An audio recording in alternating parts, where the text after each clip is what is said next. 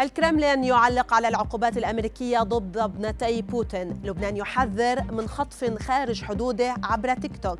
وأول تصريح لزوجة ويل سميث يصدم الكثيرين. أبرز أخبار الساعات الأربع والعشرين الماضية في دقيقتين على العربية بودكاست. نشعر بالدهشة ولا نستوعب السبب. هكذا كان التعليق الأول للكرملين على قرار الولايات المتحدة بفرض عقوبات على ابنتي الرئيس الروسي فلاديمير بوتين.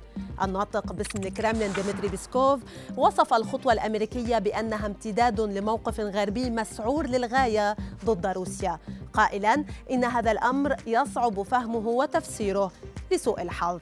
هذه هي نوعية الخصوم الذين نتعامل معهم فيما شملت أيضا العقوبات المفروضة على ابنتي بوتين منع وصولهما للنظام المالي الأمريكي وتجميد أصول لديهما في الولايات المتحدة.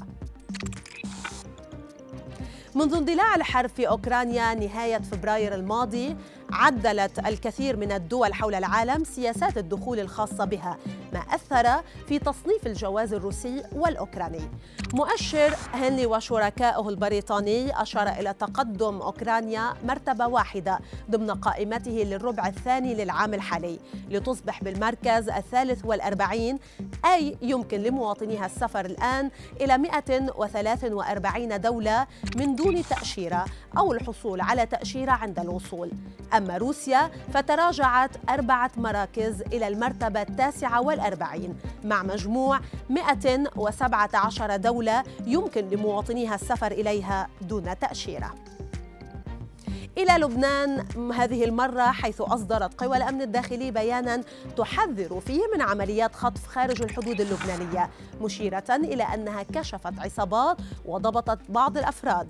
البيان اللبناني أوضح أن عصابات الخطف تستخدم مواقع التواصل لاستدراج الضحايا ومنها تطبيق تيك توك وذلك عن طريق الإعلانات الوهمية للهجرة إلى أوروبا مشيرا إلى أن الخاطفين يستدرجون ضحاياهم إلى داخل الأراضي السورية عبر المعابر غير الشرعية ثم يطلبون فدية مالية من ذوي الضحية. لقاء الإفراج عنها.